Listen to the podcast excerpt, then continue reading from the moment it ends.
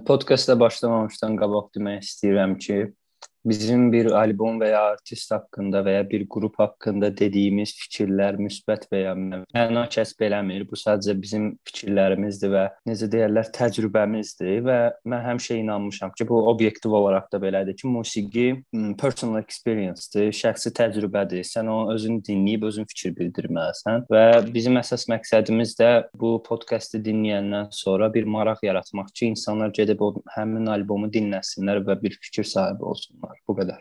Ha, mən də bir şey əlavə etmək istəyirəm ki, yəni biz dediklərinin hamısına qatılıram və bu sadəcə bunu just for fun edirik. Yəni necə deyirlər, biz ekspert deyilik musiqi barədə. Sadəcə neçə musiqi. ildir ə, belə dinləyirik. Daha çox rock ağırlıqlı və bu bizim albomlar barədə şəxsi fikirlərimizdir. Siz bizə qatıla da bilərsiniz, qatılmaya da bilərsiniz və fikirlərinizi də şərhdə bildirə bilərsiniz təbii ki. Ə, bu bizim üçün də çox maraqlı olar. Bugünkü albomumuz The Smiths'in The Queen is Dead albumudur. Qrup ümumən alternativ rock, art rock və indie rock janrlarında fəaliyyət göstərib və 1982-87-ci illər arasında bu albüm onların 3-cü albümüdür və 1986-cı ildə yayımlanıb. Albümdəki bütün mahnılar Morrissey tərəfindən yazılıb və Johnny Marr tərəfindən də bəstələnib. Ümumən 36 dəqiqə qədər bir uzunluğu var və 10 mahnıdan ibarətdir. O qədər də uzun bir albüm deyil və tezliklə yəni dinləyib bitirmək olar və arxa-arxaya da çox qəribə bir sıralanması var mahnıların emosional baxımdan. Bəli, böyük bir kütlə tərəfindən The Smiths-in ən yaxşı albomu kimi dəyərləndirilir və ümumiyyətlə keçən albomlar haqqında oxuyanda, əvvəlki bölümlərdə, yəni məlumatları oxuyanda və tez-tez qabağıma çıxırdı ki, bu albom bu jurnal tərəfindən bu listədə bu yerə layiq görüldü və s. və s. amma bu bir məna kəsb eləmirdi.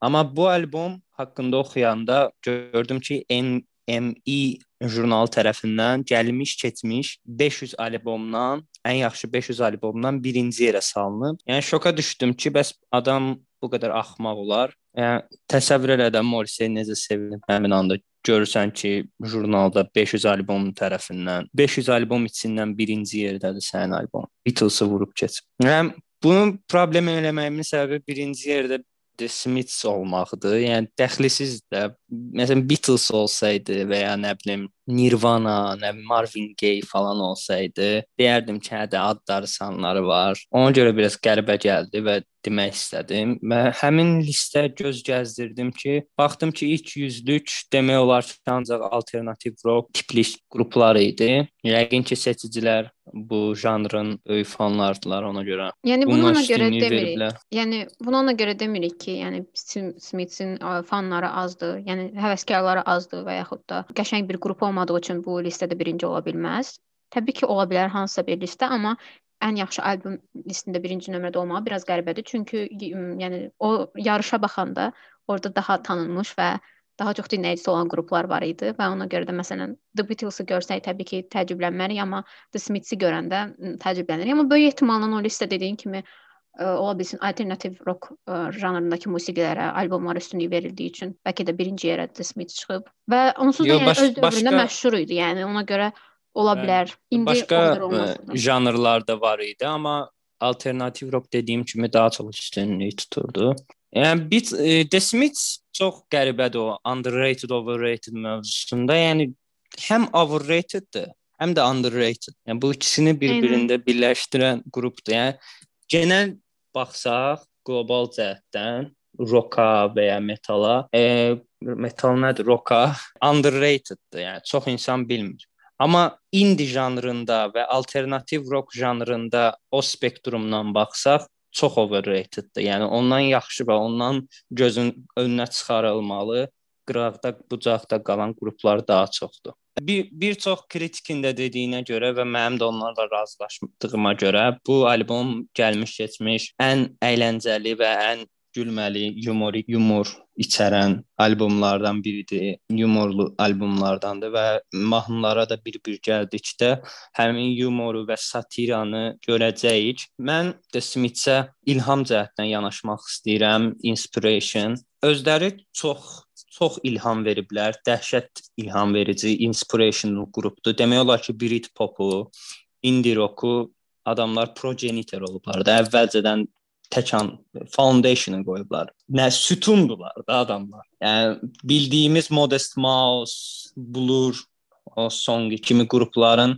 demək olar ki, yaradıcısı olublar. Amma özləri də çox dəhşət, dəhşət çox ilham alıblar çox yerdən. Morrissey-in özü, Morrissey-in özü çox böyük şeir həvəskarıdır. Oscar Wilde-dan olsun, e, Keats and Yeats orada dediyi şeylər filmlərdən və başqa digər musiqilərdən ilhamlanmış bir sənətçidir. The Stooges The Stooges qrupundan, Velvet Underground-dan, yəni musiqidə də bu hətta görəcəyimiz treklərdə musiqidə də bu qabarıq şəkildə bilinir. Amma e, məsələn Nirvana-nın Kurt Cobain-də də bu dövrümüzün yaradıcılığını görürdüm. Məsələn indiki bizim dövrdə bizim nəsildə bu yoxdur demək olar ki, nəsə yazmaq, nəsə yaratmaq, nəsə çəkmək. Amma bu adamlar məsələn Kurt Cobain də özü musiqi ilə məşğul olsa da qıraqdan rəssamlıqla məşğul olurdu və notlar alırdı. Jurnalı var idi, hansı ki sonradan o insanlara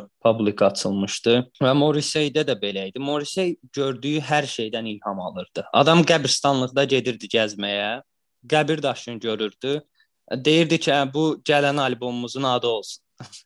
Məsələn bu albomun da Aha, var içərisində qap, bəli, qapağı qapaq şəkli hansısa fransız filmindən götürülüb. Yəqin ki, o filmə baxıb hardasa və deyib ki, o qəşəng kadrdır. Gəl buna gələn albomumuzun qabığı eləyək. Nə bilim, e, mahnının adı da Hubert Selby Jr.'un Last Exit to Brooklyn kitabından götürülüb. Yəqin ki, də o kitab oxunan yerdə deyib ki, o da nə qəşəng ifadədir. Gələn albomumuzun adı olsun. Və mən bunu çox sevirəm. Düzdür, orijinallığa biraz ziddir. Yəni orijinal bir sənətçinin eləyə biləcəyi, eləyəcəyi bir şey deyil, amma orijinal bir sənətçi deyilsinizsə, çox yaxşı alternativ də eləmək üçün burdan da Morrissey biraz iynələdik. Və mən bunu çox sevirəm. Bu hardansa nə isə götürüb bir şey yaratmaq mövzusunu. Maraqlı şeylər aldım. Mən də sənin dediklərinin əksəriyyətindən razıyam. Yəni albom barədə ki, yəni sözləri ilə bağlı. Sadəcə düşünmürəm mənim şəxsi ə, fikrimə görə, yəni mən experience-ıma görə, yəni bu o qədər də əyləncəli bir albom deyil. Mən şəxsən dinləyəndə əylənmirəm. Daha çox düşüncələrə dalınası bir nə belə albomdur. Yəni necə deyim, sad dancing belə bu formada bir albomdur mənim üçün. Ə, və inspiration söhbətinə gələndə də, yəni ilhamlanmağa da Yəni dediyim bir şeylə razı deyiləm ki, dövrümüzdəki insanlar düzdür.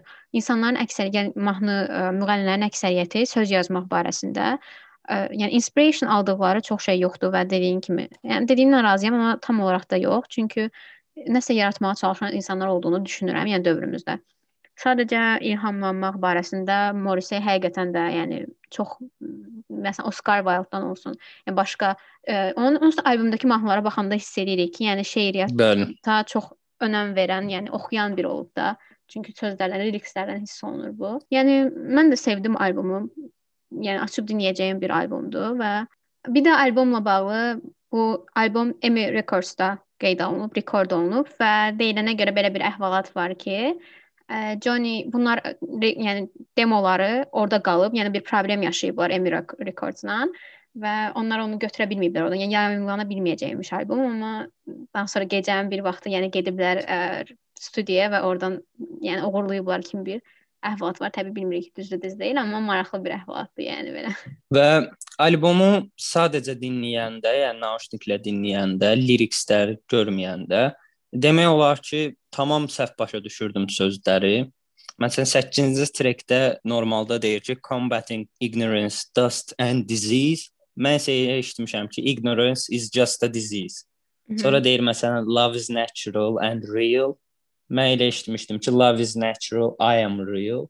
Yəni Britanlar biraz əziyyət verirlər insana özlərini başa salmaq üçün və Morrissey-in də çox xüsusi səs tonu var. Yəni seçilir. Yəni rock tarixində çox seçilir. Oxuma tərzi çox fərqlidir, yəni belə Çox fərqlidir.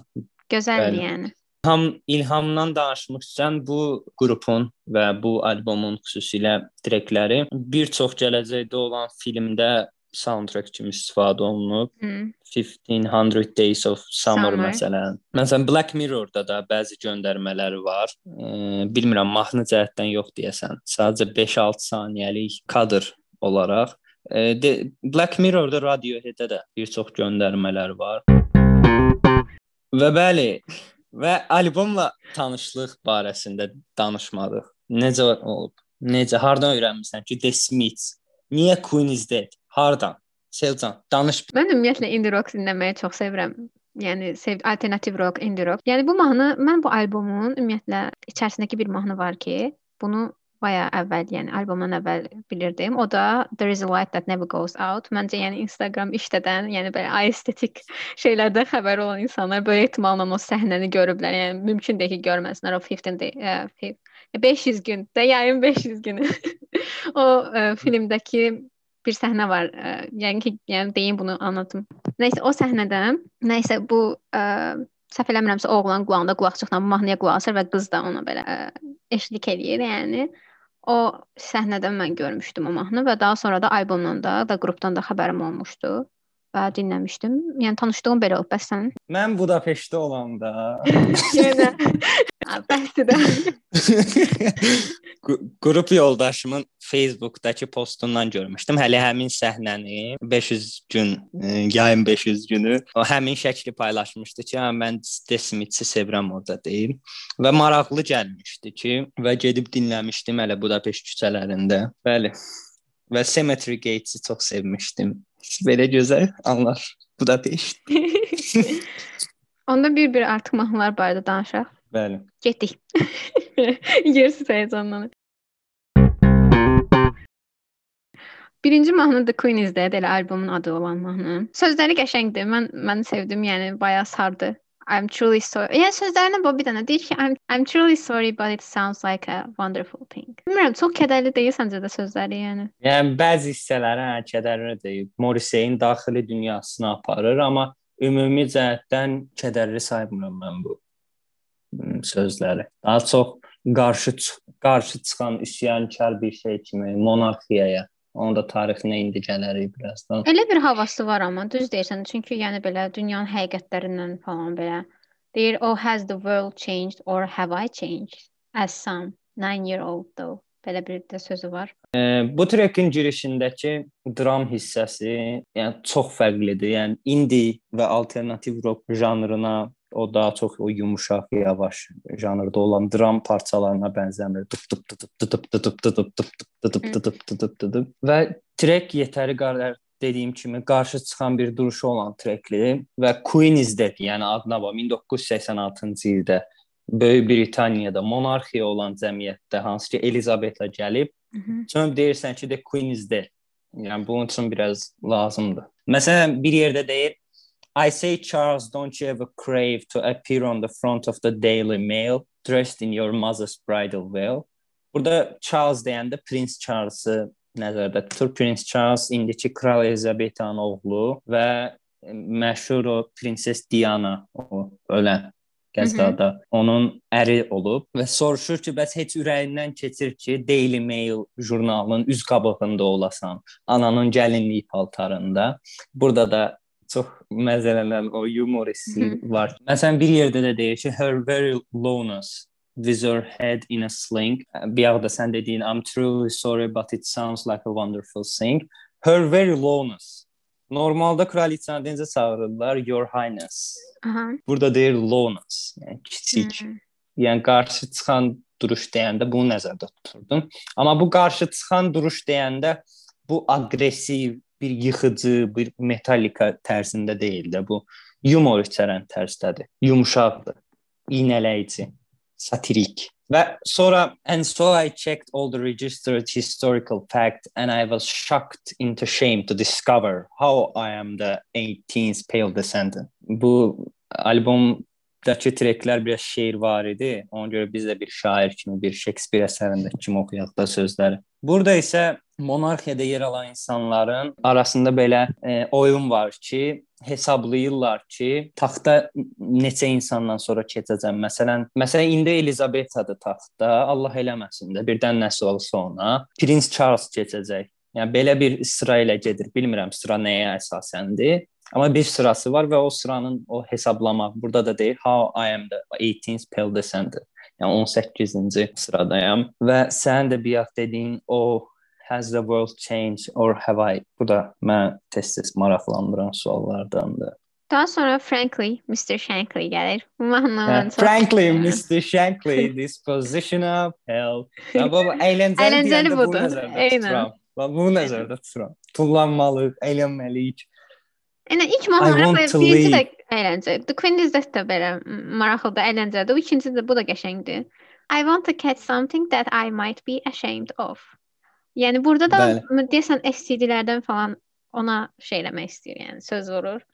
Yəni ki, yalnızlıqdan falan. Sonra I'm a Mən albomun axırına kimi istəyirsən gəl hesablayaq, əyləncəli olan və əylə, e, ha, kədərli mən olan edirəm Bu kənarda. bu bu albomda əyləncəli treklər daha çox çıxacaq. Baxarsan. Bax birinci əyləncəli idi, ikinci də əyləncəlidir. Mr. Fra- Frankly, Mr. Shankly Mhm. This position of held. Və bu trek Geoff Travis haqqındadır. Onların olduğu labelın böyüyümü deyək, authority müdürü haqqındadır ki, hansı ki e, onların arasında problemi var idi. Əslində Morrissey ilə o dost idilər, hətta yaxın dost idilər. Prosta e, finansal cəhətdənmi nəsə belə bir problemləri var idi aralarında. E, hələ bu indi söhbətdə burdan yaranıb da yəqin ki, o labellarla işləməmək, labellara, labellarla problemi olmaq mövzusu. Hələ indi indi əslində janr deyil məncə. İndi sadəcə label olmayan qruplara deyilirdi, independent olan qruplara deyilirdi. Və e, Morrissey burada pul qazanmadıqlarından, yəni qrupda iş fəaliyyət göstərirlər, bu labela üçün işləyirlər, amma pul qazanmırlar və burada əyləncəli şəkildə Geoff Travis-lə məzələnir və onu bir Mr. Shankly adı ilə fictional, yəni xəyali bir Mhm, mm, karakter. karakter e, adı verir və onunla yəni albomda yəni dinləsəz ancaq o e, referensləri görəcəksiniz. I want to leave You will not miss me. Yəni burada da labeldan ayrılmağını e, istədiyini bildirib.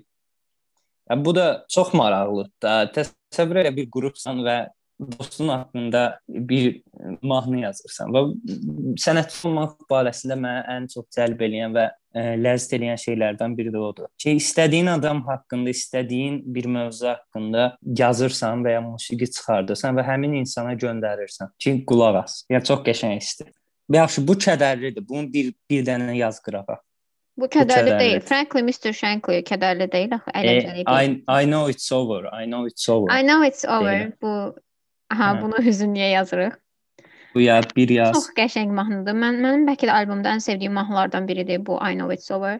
Mən e, bu mənim e, favori artistim Jeff Buckley tərəfindən Hmm. cover olunmuş. Məncə, yəni daha gözəldir, yəni orijinaldan amma yenə də qəşəng bir mahnıdır. Sözləri də bu hüzünlüdür baya və amma bu mən bu mahnı dinləyəndə mənə bir şey qarışıq saldı ki, bu mahnı kimə ithaf olunur? Yəni Çünki o, o mən ana, gələcəm. anaya, anaya doğru mən ana olaraq anladım. Çünki yəni daha məntiqli gəldi. Və orada da deyir ki, though she needs you more than she loves you. Yəni bu da günümüzdəki bəzi münasibətlərin cümləsidir. Yəni onun sənə daha Güzgüsüdür. eynən və yəni demək istəyir ki, Sənə- yalnızsan. Sənə bir sənə bir xal verirəm ki, sən hiss elədin ki, bu mahnı kiməsə ithafəndir. Orada yaz özünə bir xal. Mənim teoriyam budur ki, ümumiyyətlə sən dediyin kimi mahnıda bir problemli münasibətin varlığı var da, bir vurğu edilir buna və hansı ki bu münasibəti Morrissey hələ də unuda bilməyib. Mən fikirləşirəm ki, bu deyir o Sad veiled bride, please be happy, handsome groom give a room. Burada bir Hı. e, bride və groom bir Bəy və gəlindən danışılır. Mən deyirəm ki, bu bride, bu gəlin Morrissey-in keçmiş sevgilisi olub. Mənim teoriyam budur. Mənə də elə gəlmişdi Və- ilk dinləyəndə. Amma yenə də mən o bir yer bəzi yerlərdə oxudum ki, yəni ana ilə bağlı bir mahnıdır. Yəni elə Yəni bir dənə mother deyib deyə orada sən də tutub oradan şey eləmə də. Ya mən Bu- mən elə düşünmürəm. Mənə də heç elə Mahnının gəlmədi. 90%-ində bu sevgilisindən var. Qaqaşa deyir ki, treat her kindly. She needs you more than she loves you. Səni sevdiyindən daha çox sənə ehtiyacı var. Bu bir hansı məsələyə bənzəyir. O Californication-da da belə bir səhnə var idi. Bir vaxtlar sevgilisi olmuş qızdan, hansısa problemə görə ayrılmış bir qaqaşın həmin qızın da toyun, həmin qızın toyunda iştirak edib bəyə yaxınlaşıb demək ki, mənə bir dəfə şans verilmişdi və o şansı screwed up alındıra bilmədim. Amma sən alındır, sən yaxşı davran onunla. Treat her kindly deməsinə oxşayır. Yəni bu teoriyama güc verən bir yer də var ki, you are on your own tonight while they are in each in each other's arms. Sən bu gün təksən, amma onlar bir-birinin bir-birinin yanındadılar. Burada da onlar deyəndə həmin bəylə gəlinin nəzərdə tutur. Sonra isə nəqarətdə vurucu bir hissə var ki, sən sənə də təsir elədiyinə əminəm. Əgər belə yaraşıqlı, belə əyləncəli, belə gözəl görüntülü insansansa, niyə bu gün təksən? o ən qəşəng yeridir bu mahnının. Mən də düşünürəm. Yəni burada isə iki ehtimal var ki, bu bu hissəsində bu əgər belə yaraşıqlısansa niyə təksən hissəsində Morrissey sözləri ya bizə deyir, dinləyiciyə soruşur, ya da ki, həmin evlənən qız Morrissey-dən soruşur. Maraqlısıdır. Maraqlı fərziyyə. Aha. Daha sonra dördüncü mahnı Never Had No One Ever. Bu yəni, bunun da kədərli hissəsini at yaxşı. 2-2, 2-2. Eynən. Bu da kədərli bir mahnıdır və belə həyatın özünün də bir xəyal olduğu, yəni kiminə görə qəşəng bir xəyal, kiminə görə kabus olduğu və uzun müddət davam edən bir kabus olduğu ilə bağlı mənə elə e, bir şey yaradıb. Çünki I had a really bad dream It lasted 20 years, 7 months and 20 27 days and never never never Çox qəşəng mahnıdır. Ya və Morrissey-in şeydir burada, yəni vokalı da çox qəşəngdir. Yəni mən çox xoşuma gəlmişdi. Yəni burada girişdə deyir ki, when you walk without ease on the streets where you were raised. E, sən bu böyüdüyün küçələrdə narahat şəkildə gəzirsən, rahat deyilsən. Yəni Morrissey immiqrant olub, ailəsi əsli İrlandiyalıdır, amma İngiltərədə böyüyüb, yəni normalda. Amma yenə də böyüdüyü həmin küçələrdə rahat gəzə bilmədiyin deyir. Yəni əgər məni eşidirsən Morrissey, yəni Moz Məndə də elədir, narahat olma. E, hə, dediyim kimi bu mahnıda çox bir şey yoxdur. Morrissey-in sözlərin arasını ah və oh ifadələrlə doldurmağından ibarətdir. Bu mahnının sonunda da qulaqçıqla dinləyən ya da ən axıra qədər dinləyənlər olubsa, yəni mahnının axırında Morrissey ağlayır. Ona görə bu 2-1-2 saniyəlik bir hissədə, yəni Morrissey-in hıçqırıq ağladığını görə bilərik, yəni eşidə bilərik. Bu da çox kədərli bir şeydir, yəni bilmirəm, mən çox hmm. üzüldüm o hissədə. Bilmirəm amma mən ümumiyyətlə bu mahnıların sonunda ya da əvvəlində bu gələn şeylər deyəndə həmin dəqiqə yadıma yuxu gəlir. Yuxunun mahnısının əvvəlində o xəyalpərəstin əvvəlindəki uzun səsli belə qulaq asırsan və 5 saat söhbət eləyirlər belə. Gözləyirsən ki, qısarsın başlasın da. Yəni o əfsanədir. ya ya şu özünü atmak isteyenin hikayesi var diyor. Onu anlatır mısın bize? Buradan da yəni yuxu sevərlər. Bəlkə də yuxunun albomuna bağlı gələn dəfə çəkdik, bilmirəm olmaz. ola bilər, ola bilər. Heyecanlandıraq biraz. 5-ci Bəli, Symmetric S. Bunu əyləncəli 3, əyləncəli almalısan 100 faiz. Mahnılardandır, yəni. Oyda mənim albomdakı ən sevdiyim mahnıdır. Əfsanə. Mən elə düşünürəm. Ən sevdiyim. Yox, belə əylə, əylə, belə əyləncə trek yoxdur. Yəni bu görsən əylə gülürəm. yəni nə vaxt belə kədərli olsam, qıraqdan belə hardansa bunu səsi gəlsə, başlayaram gülməyə. Belə ekstatik hissi var mənim. Bu məzar daşı ilə bağlı olan hekayə bu mahnıdadır, səhv eləmirəmsə, yəni Hə, bəli. E, o You say earth rise the sun down salutation to the dawn yeri var. O Shakespeare-in 3-cü Richard əsərindəndir. Və bu hər şeydən qabaq bu trekin adı e, niyyətli şəkildə səhv yazılıb. Normalda Cemetery Gates-dir. Nirvana-nın Nevermind misalı kimi, Nevermind də əslində aralı yazılan bir şeydir. Və dediyim kimi o şeydən təsirlənilib. Bu dostu ilə Linda e, İngiltərədə aha, Linda Sterlinglə Charltonda olan e, gəzintilərindən, qəbristanlıqdakı gəzintilərindən ilhamlanıb Yəni sevirdi orada gəzməyi. Əslində bu trekin ümumi mövzusu, ümumi mövzusu kritiklərə on verdiyi cavabdır. Çünki podkastın əvvəlki dəqiqələrində də dediyim kimi bunlar çox ilhamlandırıcı olmaqla yanaşı həm də çox yerdən ilhamlanıblar. Demək olar ki, bu trek Morrissey-in kritiklərə verdiyi satirik cavabdır. Onun kritiklər Morrissey çox vaxt plagiarizmlə tənqid edirdilər, günahlandırırdılar. Məsələn, trekdəki bəzi sözlər, bəzi cümlələr hansısa kitabdan və ya filmdən götürülmüş sözlərdir və elə hələ satirası da bundadır ki, yəni götürür, yəni ironik, satirik bir trek. Big Mouth Strikes Again. Bu da albomun 6-cı mahnısı və sözləri çox maraqlıdır. Bu ə, mahnının da ən şeyi odur ki, Placebo qrupu tərəfindən cover olunub. Hamı da onu deyir, yazıb ki, yəni daha qəşəngdir Placebo tərəfindən cover-ı. Dinləməmişəm, amma bu Placebo şey eləyib. Ümumiyyətlə The Smiths-in bir çox mahnısını, hətta deyəsən bütün albomunu bu bu albomu cover eləyib və adını qoyub ki, The Smiths is Dead. Yəni çox Tribute ironik bir albomu albomdur. kimi. Sözləri mənə çox güldürən bir, yəni mahnıdır. Bunu da bu arada güldürənə yazılır. Big Mouth Strikes Again. Bəli.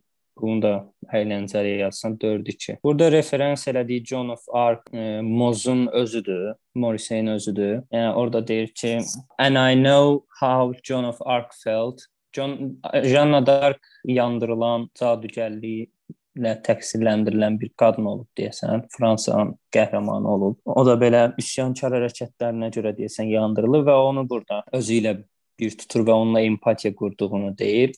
Yəni Morrissey də dövründə çox belə üsyankar baş qaldıran birisi olub və e, o vaxtki siyasətçilərlə və digər musiqiçilərlə problemli olub və onlar haqqında dediyi sözlərə görə təbii ki, Bir şey əlavə etmək istəyirəm. Bu mahnının 2004-cü ildə də bir performansı olub, Earl's uh, Court per performansı və orada I was only joking yerinə I wasn't joking deyir. Yəni əslində bu mahnının olayı, yəni qəşəng. qəşəng. Yəni bu necə deyim, məsələn, o sevginlə dava edirsən və bəzi sözlər deyirsən peşman olduğun. Ə, amma əslində yəni bunu deməyin verdiyi rahatlıq var bir yandan, bir yandan da kəşke deməsəydim. Və yəni həm də eyni zamanda bu Janna Dark da yəni öz həqiqətlərini dediyinə görə, yəni öz sözlərinin arxasında olduğuna görə yəni bu bu formatda başa düşmək olar onu. Və Hı. yəni elə Morrissey də yəni artıq üzr istəməkdən bezmiş olmalıdır ki, yəni artıq o performansında yəni, I wasn't joking falan deyir. Yəni məncə bu da qəşəng bir ayrıntıdır. Çox qəşəng bir ayrıntıdır. Sweetness, sweetness, I was only joking when I said I would like to smash every tooth in your head. Və həmin hissədə o deyir Walkman and our Walkman started to melt. Walkman o 80-ci illərdə o kaset çalarlar var idi. O naushnik taxırdın və sonrakı performanslarında onu dəyişib iPod-la əvəz eləyib. İPod started to melt və çox insan bu albomun e, həvəskarları və fanatikləri deyirlər ki, bu albom birinci yerə qoyulur çünki timeless-dır. Yəni zamansızdır. Yəni nə vaxt dinləsən o vaxtda uyğunlaşa bilir, amma Buradan da sübut olundu ki, olmur. Çünki Walkman-ı iPod-a dəyişdi. Vəsio. Amma yəni dediklərində haqlıdırlar. Çünki albüm daha çox insan hissləri üzərinə qurulmuş bir şeydir deyə və dünya həqiqətləri də yəni dəyişmir də demək olar və insanların hissləri də həmişə yəni bu formada insan insandır. Yəni ona görə hər dövrdə dinləmək, hər ə, əsrdə yəni mümkün olar məncə bu albüm. Və nəqarətdəki Big Mouth Strikes Again deyəndə də Big Mouth özüdür. Big Mouth hələ göründüyü kimi böyük ağız, yəni çox gəvəzə ağız. Hı -hı. Yəni dediyimiz kimi o insanlarla problemi olmağın səbəbi də bu gəvəzəlikdir və deyir ki I have lost my right to be in human race. Yəni insanlar arasında və cəmiyyət arasında yer alma hüququmu itirmişəm bu Big Mouth-luğuma görə və bu hadisə mənə də hardansa tanış gəlir. Nəysə. 7-ci mahnı The Boy with the Thorn in His Side. Torun tikandır və tikan deyəndə də Morrissey şeyi nəzərdə tuturdu. E, musiqi industriyası. Yəni hər də o bir yerlərdə də deyir ki, e, sonradan if they won't believe me now, will they ever believe me? What more can a poor boy do? Hə, nə vaxt inanacaqlar? Yəni gözlərimin içinə baxırlar, hələ də inanmırlar mənə. Yəni daha nə eləyə bilərəm? Yəni bu musiqi industriyasına göndərmə eləyir və ümumi- dinləyicilərə göndərmə eləyir. Və bu mahnıda mənə elə gəldi ki, məsələn, eşqlə də, məsələn, cinayət kimi durumları yan-yana qoyur. Yəni Murderous Desire for Love-dan, yəni bəhs eləyir belə bir şey. Və bu bu arada bu mahnının da yenə Jeff Buckley cover var. O da qəşəngdir. Hər yerdə Jeff Buckley reklam eləyirəm, amma Bu bunu kədərliyə də almaq olar, amma məncə kədərli. çox əyləncəli də deyil, çox kədərli də deyil. O yaxşı, kədərli alaq, onsuz da uduzacaqsan 4-3. I couldn't do do. It's not strange. Özdə. Why couldn't do do? Bu da nadir damar olmayan mahnılarından. Əyləncəli mahnıdır. Yazdıq əyləncəliyə bunu. Bəli 5-3. 5 əyləncəli, 3 kədərli. Damar dem deyirsən ki, damar deyil, amma o nəqarətə girən hissəsi mənə həmişə tutur. Viker nə too. He's not strange. He just want to live his life this way. Adından başlayaq. Viker İngiltərə kirkəsində olan səlahiyyətli şəxs deməkdir. Bilmirəm nə səlahiyyətləri var, amma deyilənə görə səlahiyyətlidir. Tutu isə qadın balerinaların geyindiyi yubkadır və ikisini bir-birinə birləşdirəndə olur yubka geyinən kilsə işçisi. Yəni çox kontroversial ad. Yəni üsyan çıxar bir addır. Yəni asan deyil. Təsəvvür elə Azərbaycanda bir deyil ki. Yubka geyinən imam. Bu albümün o vurub var da, yəni var elə şeylər, yəni. Elə dedi birincidən Queen-ə söz vurur, o birində şeyə söz vurur. Yəni belə baxanda. The Queen is Dead-də də bu söhbəti vurğulamışdı. Burada da vurğulayır. O Queen is Dead-dən danışanda deməli yadımdan çıxdı. E, məsələn burada deyir as Rose collects the money in a canister. Canister deyəsən hələ bizim nəzir qutusuna ekvivalent olan kilsədəki şeydir. Bu Morrissey katolik kilsə, kilsəsini həmişə tənqid edib, pul oğurlamağından və insanları necə manipulyasiya etməsindən çox vaxt danışıb. Çünki kilsə bir orqanizasiya sayılır və orqanizasiyanın da fəaliyyət göstərməsi üçün pula ehtiyacı var. Onun orada işləyənləri təmin etmək üçün nə bilim oradakı avadanlıqlar falan. Yəqin ki, bu pulu da nəzir qutusu kimi bir şeydən yığırdılar. Yəni bizdə də var.